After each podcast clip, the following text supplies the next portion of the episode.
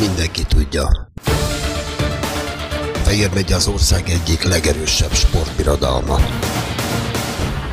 A FEOL sportpodcastja Fehér sport életével, sportolóinak, trénereinek, menedzsereinek mindennapjaival foglalkozik. A sport és Fehér megye, akkor FEOL Sport Podcast.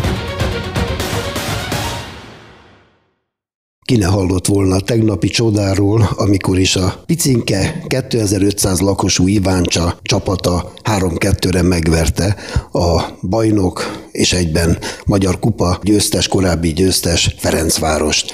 A 3-2-es eredmény után Kádor András kollégánk az edzőt, Tóth András kérdezte, Autóban volt mind a kettő, telefonon keresztül beszélgettek, ezért a hangminőségért elnézést kérünk, de azt hiszem, hogy az, amiről beszéltek, az megér annyit, hogy akár egy kicsit egy gyengébb hangminőséggel is meghallgassuk ezeket. Tehát akkor következik az interjú Tóth Andrással, az Iváncsa edzőjével.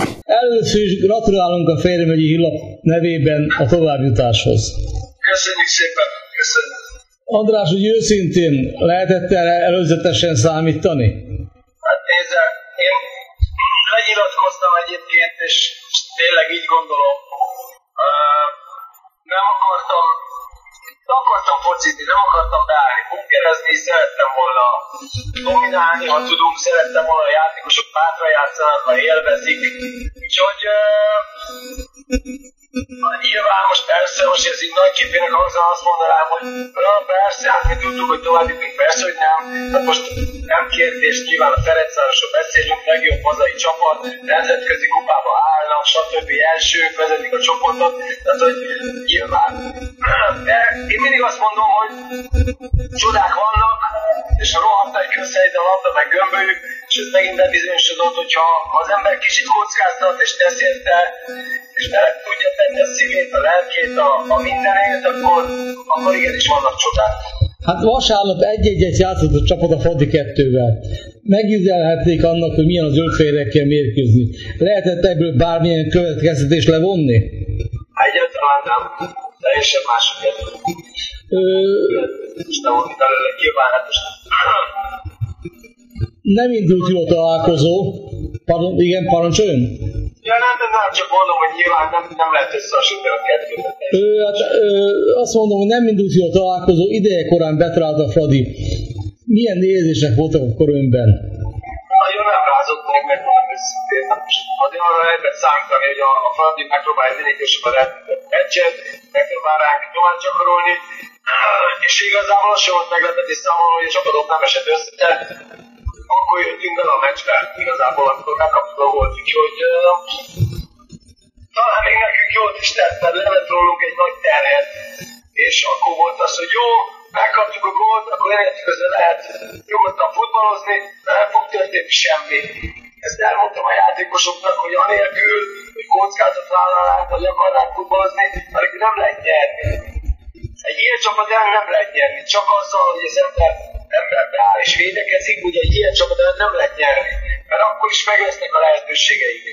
Ezért aztán inkább vállaljuk fel a focit, merjünk játszani, tegyünk bele apai tanyait, aztán kijön belőle, ami kijön. Nekünk nem volt veszíteni való. Hát őszintén, mi hangzott el a szünetben az öltözőben, mert azért gyorsan 10 percek később egyenlítettek? Hát elmondtam azt, hogy nem hiszem el, hogy nem érzik azt, ezen a meccsen belül nyilván, és most erre a meccsre szorítkozom, hogy nem érzik azt, hogy, hogy mekkora lehetőség van a kettőbe, és igen, hogy a Ferencváros ellen is vannak helyzeteink, hogy a Ferencváros ellen is lehet focizni, hogy a Ferencváros ellen is ki lehet tudni a labdát. Azt mondtam, hogy nem hiszem el, hogy ezt, ezt nem viszik és nem látják, és nem érzik belülről. Aztán uh, nyilván elmondtam még egy-két praktikai dolgot, hogy hogy lehetne, vagy mit lehetne még változtatni. Uh, nagyjából ennyi. Aztán mondtam, hogy toljuk végig, jó játszunk, megdicsértem őket, csomó mindenben, nagyjából ennyi. Hát minden esetre a rendes játékidőt kihúzták, ezután jött az extázis, egy nagyon szépen előkészített góla vezetett a csapat, amely végül meghozta a sikert, hogy látta? Igen, hát egyébként szerintem az összes gólunk szép volt. Én azt gondolom, hogy hát tényleg, hát most... Persze, hát ez egyértelmű. Kívül én azt mondom, hogy mellette a szép támadásaink is, úgyhogy Hát én, én azt mondtam a játékosoknak, hogy egy lehetőség a hosszabbításban biztos vagyok benne, hogy lesz. Bocsánat, azt mondtam, hogy egy vagy kettő lehetőségünk biztos, hogy lesz. Próbáljanak arra az egy lehetőségre koncentrálni, és összpontosítani, hogyha az meg lesz, akkor azt próbáljuk góra váltani. És ez ilyen szempontból jött is. Hát mindenki hozzátette ez a sikerhez, de azt hiszem, hogy Varga Ádám védésén nélkül nem jöhetett volna ez létre. Egyetért ezzel? Hát nyilván az át jól védett, tehát az egész csapat jól állt a lábán, úgyhogy persze ez nem, nyilván nem egy emberről szól ez a történet, óriási csapatmunka volt, az Ádi azért van oda, hogy hozza a bravúrjait, nagyon jó kapus egyébként, és képes ezekre, úgyhogy uh, nyilván ő hozzátette a magáét, itt ahogy a, az összes védő hozzátette a magáét, a középpályások a támadó, mindenki hozzátette a sajátját, abból lett ez a siker. Ezek után ugye jöhet a következő kanyon. Milyen ellenfelet vár? Bármilyen. Bármilyen. Így, így, így röviden. Hát nagyon szépen köszönöm, András. Köszönöm szépen. És további sok sikert kívánok a hírok nevében. Köszönjük. Köszönöm szépen, minden jót kívánok. Köszönjük, minden jót viszontlátásra. Visszaállás.